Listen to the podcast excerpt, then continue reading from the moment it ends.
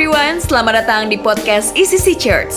Kami percaya saudara akan dikuatkan dan dibangun oleh setiap khotbah yang akan disampaikan. Let's be excited for the word of God. How great it's our God.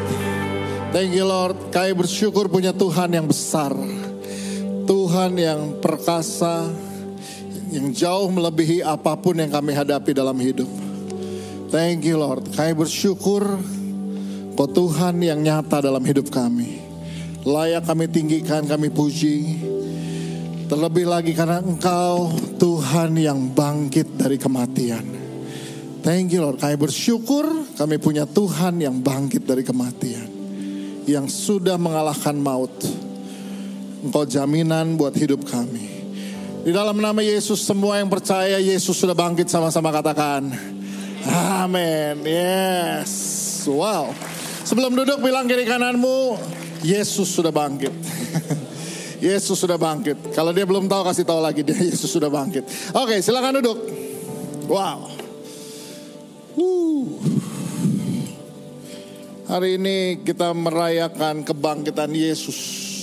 Ini ibadah ketiga. Full pack dari tadi pagi. Ibadah satu, dua, dan tiga. Wow. So, mari hari ini kita mau lihat satu kebenaran firman Tuhan. The living among the dead.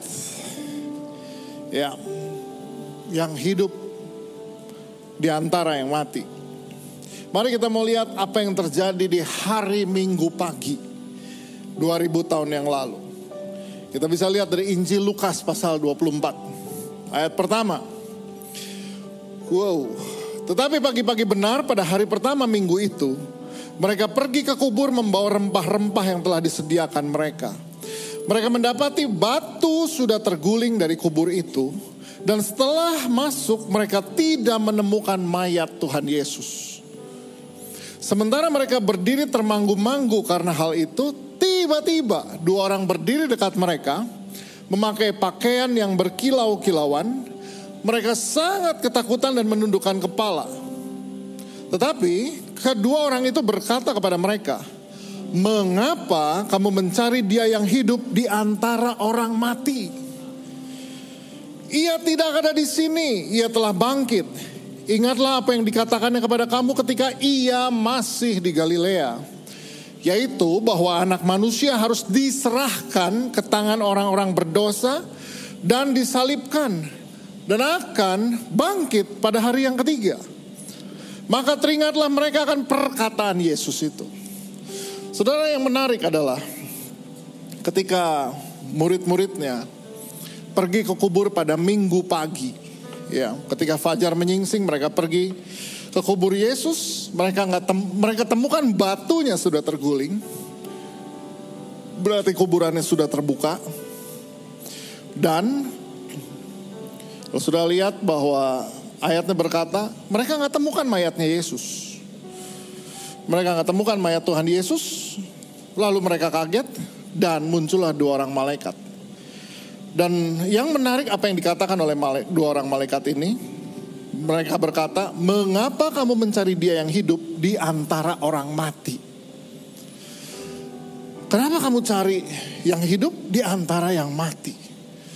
Saudara, ini ini gambaran kita manusia. Kita mencari hidup dari yang mati. Kita mencari hidup dari yang mati. Makanya hal yang pertama kita mesti belajar adalah jangan mencari kehidupan dari yang mati. Jangan mencari kehidupan dari yang mati. Contoh, dalam hidup kita nih bergantung dan kita percaya kita bisa hidup dari yang mati ini. Apa misalin? Contoh, kita percaya kalau kita punya uang kita bisa hidup. Uang, punya, oh pasti hidup. Baik, popularitas. Wah, seneng banget kalau Instagram, TikTok kita ratusan ribu, weh, populer, hidup nih, gitu loh. Come on. Apalagi karir, wah karir naik terus, hidup nih pasti nih. Saudara, ini semua barang mati. Saya nggak bilang kita nggak perlu uang. Kita perlu uang, tapi kita nggak bisa menggantungkan kehidupan kita. Kita nggak bisa bergantung pada uang. Kita perlu, tapi bukan berarti uang menghidupkan kita. No. Bahkan dunia bisa berkata, what money can buy. what money can buy? Money can buy a house, but not a home. Makanya banyak orang bisa beli rumah, tapi males pulang ke rumah. Kenapa? Nggak betah di rumah. Nggak homey rumahnya. Yo, apalagi?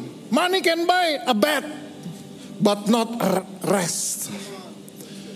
Saudara boleh beli kasur yang paling mahal, insomnia jalan terus.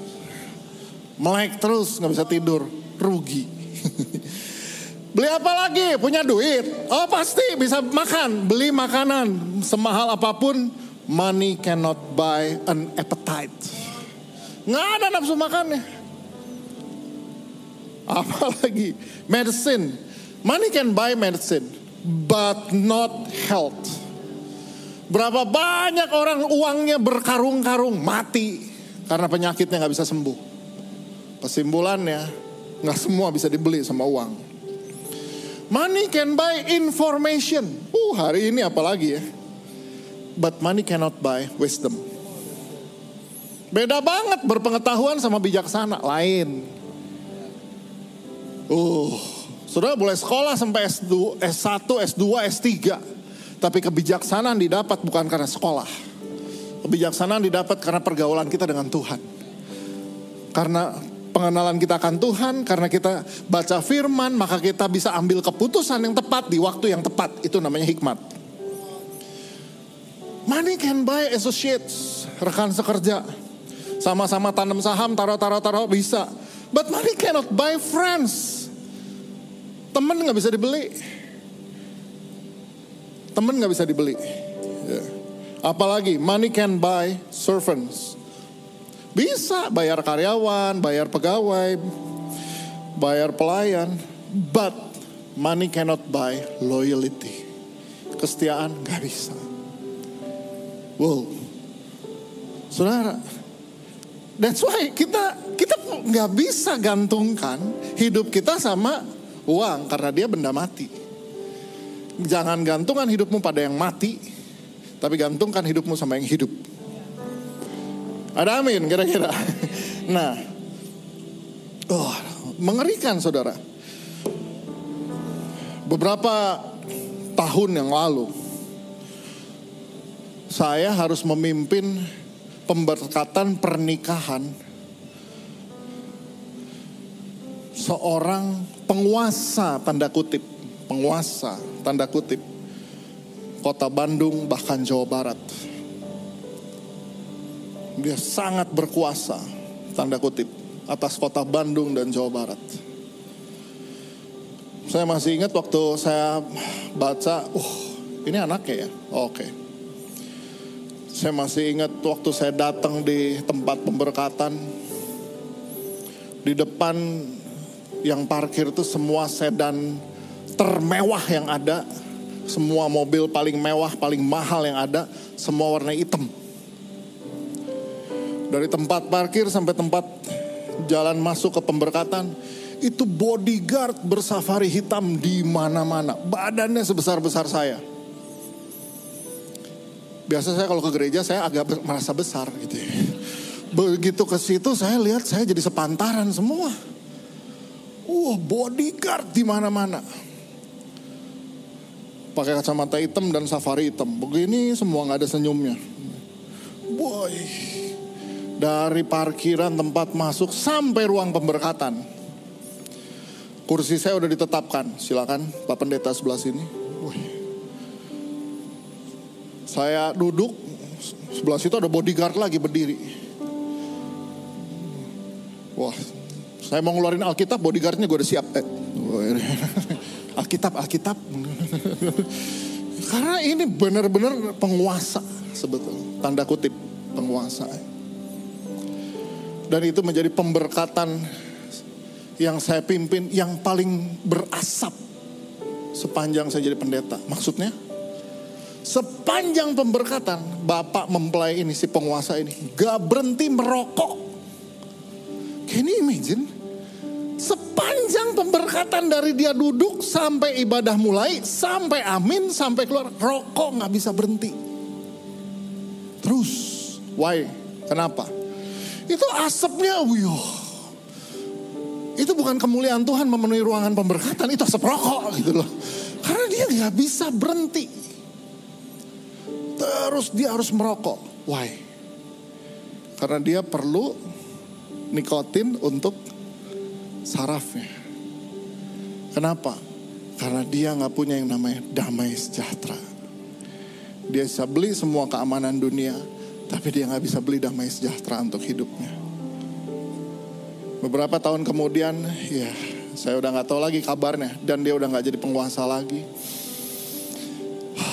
Tetapi dari situ saya belajar, iya, iya. hal yang kita punya aja hari ini damai sejahtera, dia nggak bisa beli dia nggak bisa beli. Sesudah jangan pikir kalau punya uang kau hidup. Makanya dari sini kita belajar. Tuhan Yesus bilang kamu jangan cari yang jangan cari hidup dari yang mati. Ya, uang itu barang mati. Kamu harap itu hidupin kamu, gak bisa, gak bisa. Carilah hidup dari yang hidup. Terus sometimes kita bilang juga hal yang kedua adalah But I have messed up my life. saya udah bikin hidup saya berantakan nih. Gimana nih? Atau hidup saya udah berantakan. Saya harus bilang bahwa ya things can always go wrong. Segala sesuatu bisa jadi salah. Bisa jadi nggak jalan sesuai yang kita mau. Kita selalu pikir gini, udah percaya Yesus, udah dibaptis, udah ikut Yesus, rajin ibadah, apalagi rajin nggak pernah uh, apa setia kasih per, kembaliin perpuluhan setiap persembahan hidup pasti beres. Nah, saya mau cerita. Pastor David Pastor Shani is the only one saya ulang lagi the only one Pastor ICC yang volunteer. Mereka punya pekerjaan mereka punya bisnis sendiri. Pastor David Pastor Shani Pastor Shani udah berada di gereja ICC sejak dia usia li, eh kok usia? Kelas 5 SD. Berarti saya sampai ngitung bukan 3 per 4 umur. Udah udah 7 per 8 usianya dihabiskan di, di gereja. Dari 5 SD. Itu kalau dia mau bilang sama Tuhan, Tuhan saya kurang apa? Kurang apa saya sama Tuhan? Dan harus alami yang saudara saudara lihat di film Yasha. Siapa yang diberkati ketika lihat film tadi? Come on, it's a true story. Saya sendiri secara pribadi lihat begitu. Come on, what happened? Ketika kita harus berdoa, kita cuma pikir, aduh kenapa ya? Iya, kurang apa? Mereka adalah pastor The Bridge dari 2006 sampai 2015, almost 10 years mereka membangun the bridge. Dan kemudian mereka juga yang rintis ICC Jakarta. So, Saudara kalau tahu ICC Jakarta itu dirintis bukan hanya dengan dengan kalau saudara udah nonton film tadi, berarti bukan cuma dengan doa dan air mata plus darah juga. Karena kejadian waktu di Pastor Syani keguguran itu dia di mana? Dia sedang dalam perjalanan pulang dari sisi Jakarta. Until now, mereka punya kantor di Bandung, mereka tinggal di Bandung, tapi dari Jumat sampai Minggu mereka ada di Jakarta. Every single week. Kalau mau pahit-pahitan sama Tuhan, ya tinggal bilang, ya Tuhan kurang apa? But things can always go wrong. Semua problem dalam hidup kita. Dalam hidup itu problem dan kekacauan selalu ada. Kenapa? Namanya juga hidup. Kalau saudara di sini kecewa sama Tuhan, kalau hidup saya punya masalah, saya kecewa sama Tuhan. Guys, saya mau bilang, kamu pengen hidupmu gak ada masalah, teratur rapi seperti sesuai yang kita mau, lurus, rapi, nggak ada keributan, hening. Saya temukan satu tempat akhirnya yang kita bisa rasakan kerapihan, ketelaturan dan keheningan yang kita bisa nikmati. Di mana tempat itu? Tempat itu saya temukan ketika satu setengah tahun yang lalu saya mengantarkan ayah saya ke peristirahatan terakhirnya. Di Taman Makam Pahlawan Cikutra. Cuma ada suara angin dan burung. Dan deretan kayu salib yang berjajar rapi. Gak ada yang belok, gak ada yang miring, rapi. Saudara kalau engkau berharap kehidupanmu seperti ini, tinggallah di sana. Tapi kenapa bisa rapi? Sebab di sana cuma ada kematian, tidak ada kehidupan. Kalau kau berharap kekristenanmu kayak gini, nanti waktu saudara di sana, hidupmu akan rapi. Saya jamin kayu salibmu berdiri lurus di situ. Tapi memang ini di Taman Makam Pahlawan, semuanya rapi lurus. Semua. Selama kita hidup akan selalu ada problem. Makanya kita perlu kuasa kebangkitan Yesus. Yesus bangkit, sebenarnya dia bangkit. Saudara lihat, ini luar biasa waktu saya temukan ini. Bahwa waktu dia bangkit, maka yang dia buat apa? Back to life. Yesus bangkit untuk kembali kepada kehidupan. Tahu dari mana? Matius 26 ayat 32. Ayatnya bilang begini, Yesus kasih tahu murid-muridnya, akan tetapi sesudah aku bangkit, aku akan mendahului kamu ke mana? Ke Galilea. Apa itu Galilea? Yesus bilang kalau aku bangkit, aku dahului kamu ke Galilea. Waktu Yesus bangkit, dia nggak diam di kuburan. Terus supaya orang-orang waktu datang langsung Yesus muncul. I'm back. No, no, no, no, no. Dia nggak nungguin orang di kuburan. Dia pergi ke Galilea. Kenapa dia pergi ke Galilea? Karena Galilea adalah tempat bekerja dan pelayanannya Yesus. Galilea adalah tempat mereka kerja sebagai nelayan, tangkap ikan. Dan Galilea adalah tempat di mana Yesus melayani orang-orang. So jadi Yesus bangkit buat apa? Buat hidup. Yesus bangkit supaya kuasa kebangkitannya bukan nyata di gereja. Tapi kuasa kebangkitannya nyata di tempat kerja, di sekolah, dan di keluargamu. Di pelayananmu. Di homeselmu. Harusnya kuasa kebangkitannya nyata. Yesus bangkit bukan buat diam di kuburan. Yesus bangkit untuk pergi ke Galilea. Dia langsung ke Galilea. Artinya itu tempat kerja kita, tempat sekolah kita, keluarga kita, tempat pelayanan kita. Saudara Galilea. Makanya saudara lihat. Kita yang hidup perlu kuasa kehidupan dari Yesus. Yesus bangkit bukan supaya dirayakan setahun sekali. Tapi Yesus bangkit supaya kita tahu bahwa kuasa hidupnya disediakan buat kita yang hidup hari ini supaya kuasanya nyata di tengah-tengah masalah yang kita hadapi, kebangkrutan yang kita hadapi, kemandulan yang kita hadapi. Seorang filsuf namanya Seneca, dia bilang begini, As long as you live, keep learning how to live. As long as you live, keep learning how to live. Seneca bilang begitu. Nah makanya ada banyak orang dalam hidup dia cari mentor. Dia cari orang pinter dia cari filsuf. Dia cari siapa lagi? Tokoh uh, orang-orang yang dia bilang hebat. Tapi please saya mau bilang. Semua orang hebat, semua pendiri agama, semua nabi mati. Cuma satu yang mati dan hidup kembali. Namanya Yesus. Jadi kalau mau belajar hidup, belajarlah dari orang yang sudah mengalahkan kematian. Jangan belajar hidup dari orang yang berkata mudah-mudahan. Belajar hidup dari orang yang sudah mengalahkan kematian. Seneca bilang, ya as long as you live, learn how to live. Dari siapa? Banyak orang juga pengen belajar hidup, tapi dia nggak tahu sama siapa. Hari ini saya kasih tahu, belajarlah sama orang yang sudah mengalahkan kematian. Karena dia udah mengalahkan satu hal yang paling ditakutin dan paling susah orang alami, yaitu kematian. Ada banyak gereja, ada banyak pemimpin gereja datang ke ICC dan ketemu saya. Pertanyaannya, why ICC? Kenapa kamu datang ke ICC? Karena kami mau belajar dari yang pernah gagal dan berhasil. Dan kami tahu kamu pernah gagal dan kamu bisa berhasil. Jadi kami pengen tahu sama. Saya bilang, saya juga belajar dari yang pernah mati terus bangkit.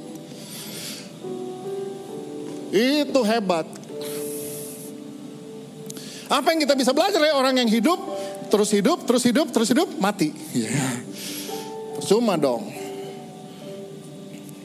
Belajarlah dari orang yang pernah mati dan kemudian bangkit.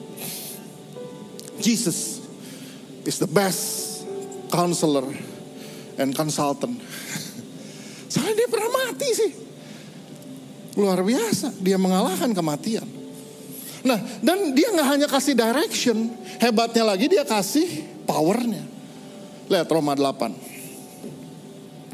Roma 8 ayat 11 bilang gini, dan jika roh dia yang telah membangkitkan Yesus dari antara orang mati, diam di dalam kamu, maka ia telah membangkitkan Kristus Yesus, maka ia yang telah membangkitkan Kristus Yesus dari antara orang mati, akan menghidupkan juga tubuhmu yang fana itu, oleh rohnya yang diam di dalam kamu.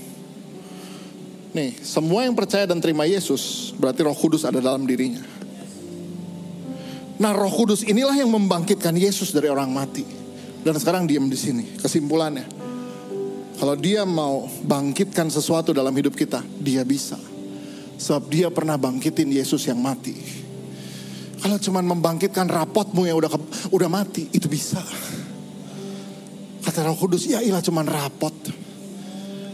Tapi berapa banyak yang urusan IP, urusan rapot aja pahit sama Tuhan. Kata Roh Kudus nggak usah pahit yang begituan mah kecil.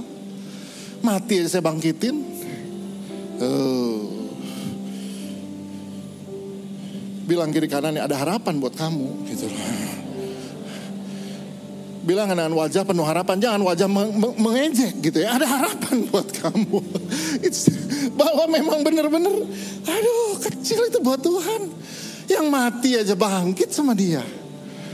Apalagi cuman karir, rumah tangga, apa yang mati? Aduh, Skripsi ditolak, marah sama Tuhan. Lah, kecil itu. Kecil itu. Kecil.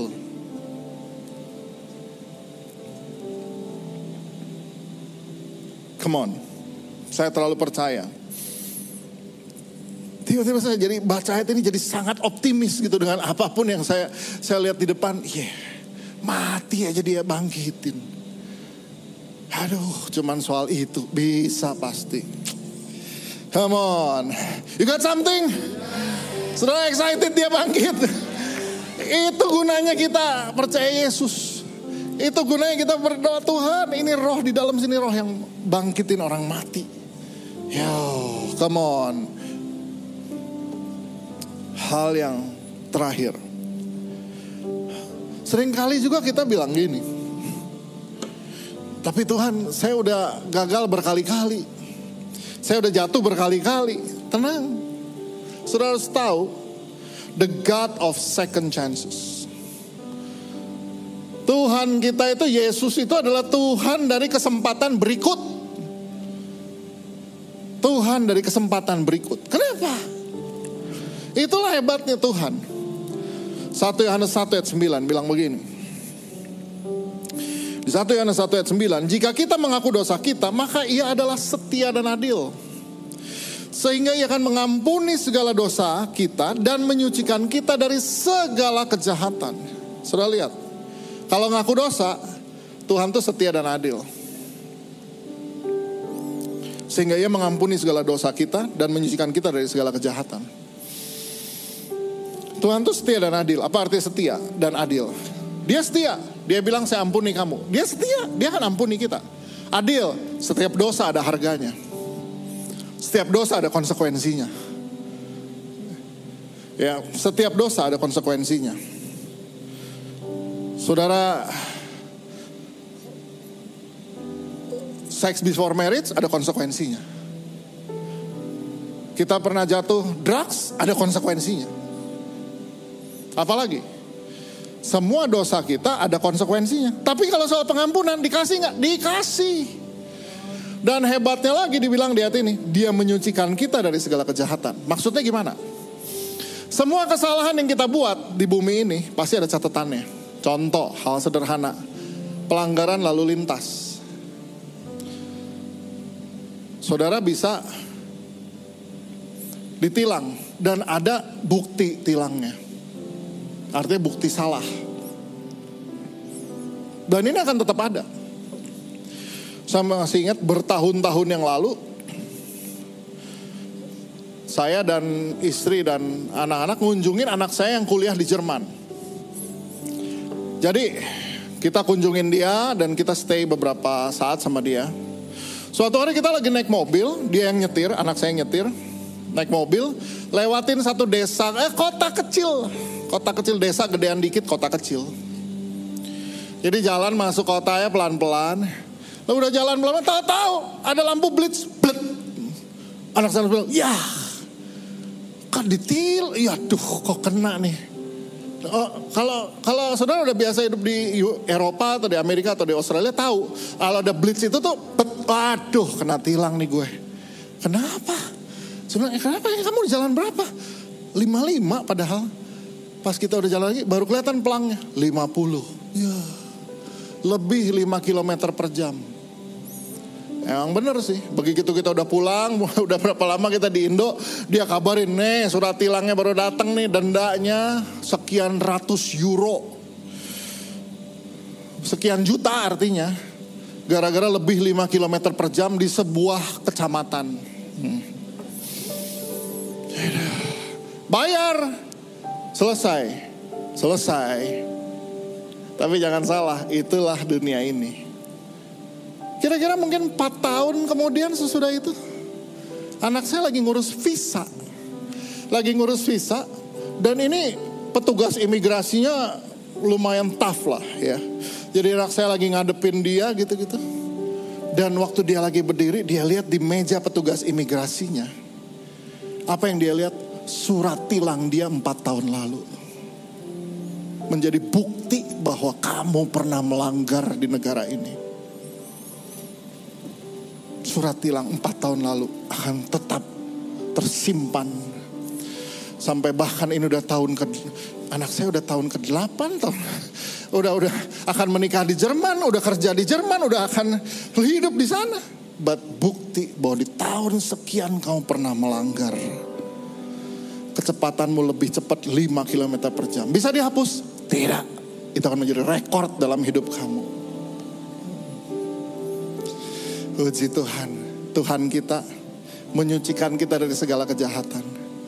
Setiap kali kita bikin dosa, malaikat catetin. Salah, nyontek, percabulan, pornografi, catat. Datang kita sama Tuhan, Tuhan ampuni saya Tuhan. Saya salah lagi, saya salah lagi. Kata Tuhan Yesus, saya kasih. Saya kasih, saya ampuni kamu. Saya udah mati buat kamu untuk dosa kamu yang lalu, sekarang, dan besok. Saya ampuni kamu. Dan Tuhan Yesus nggak berhenti di situ. Dia panggil malaikat, mana catatannya?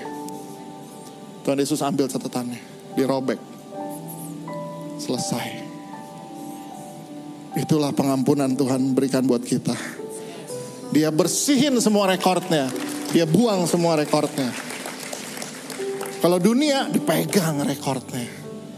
Suami sama istri kalau berantem istrinya bilang, aku masih ingat 12 tahun yang lalu kamu pernah bilang begitu di sore hari kala mendung.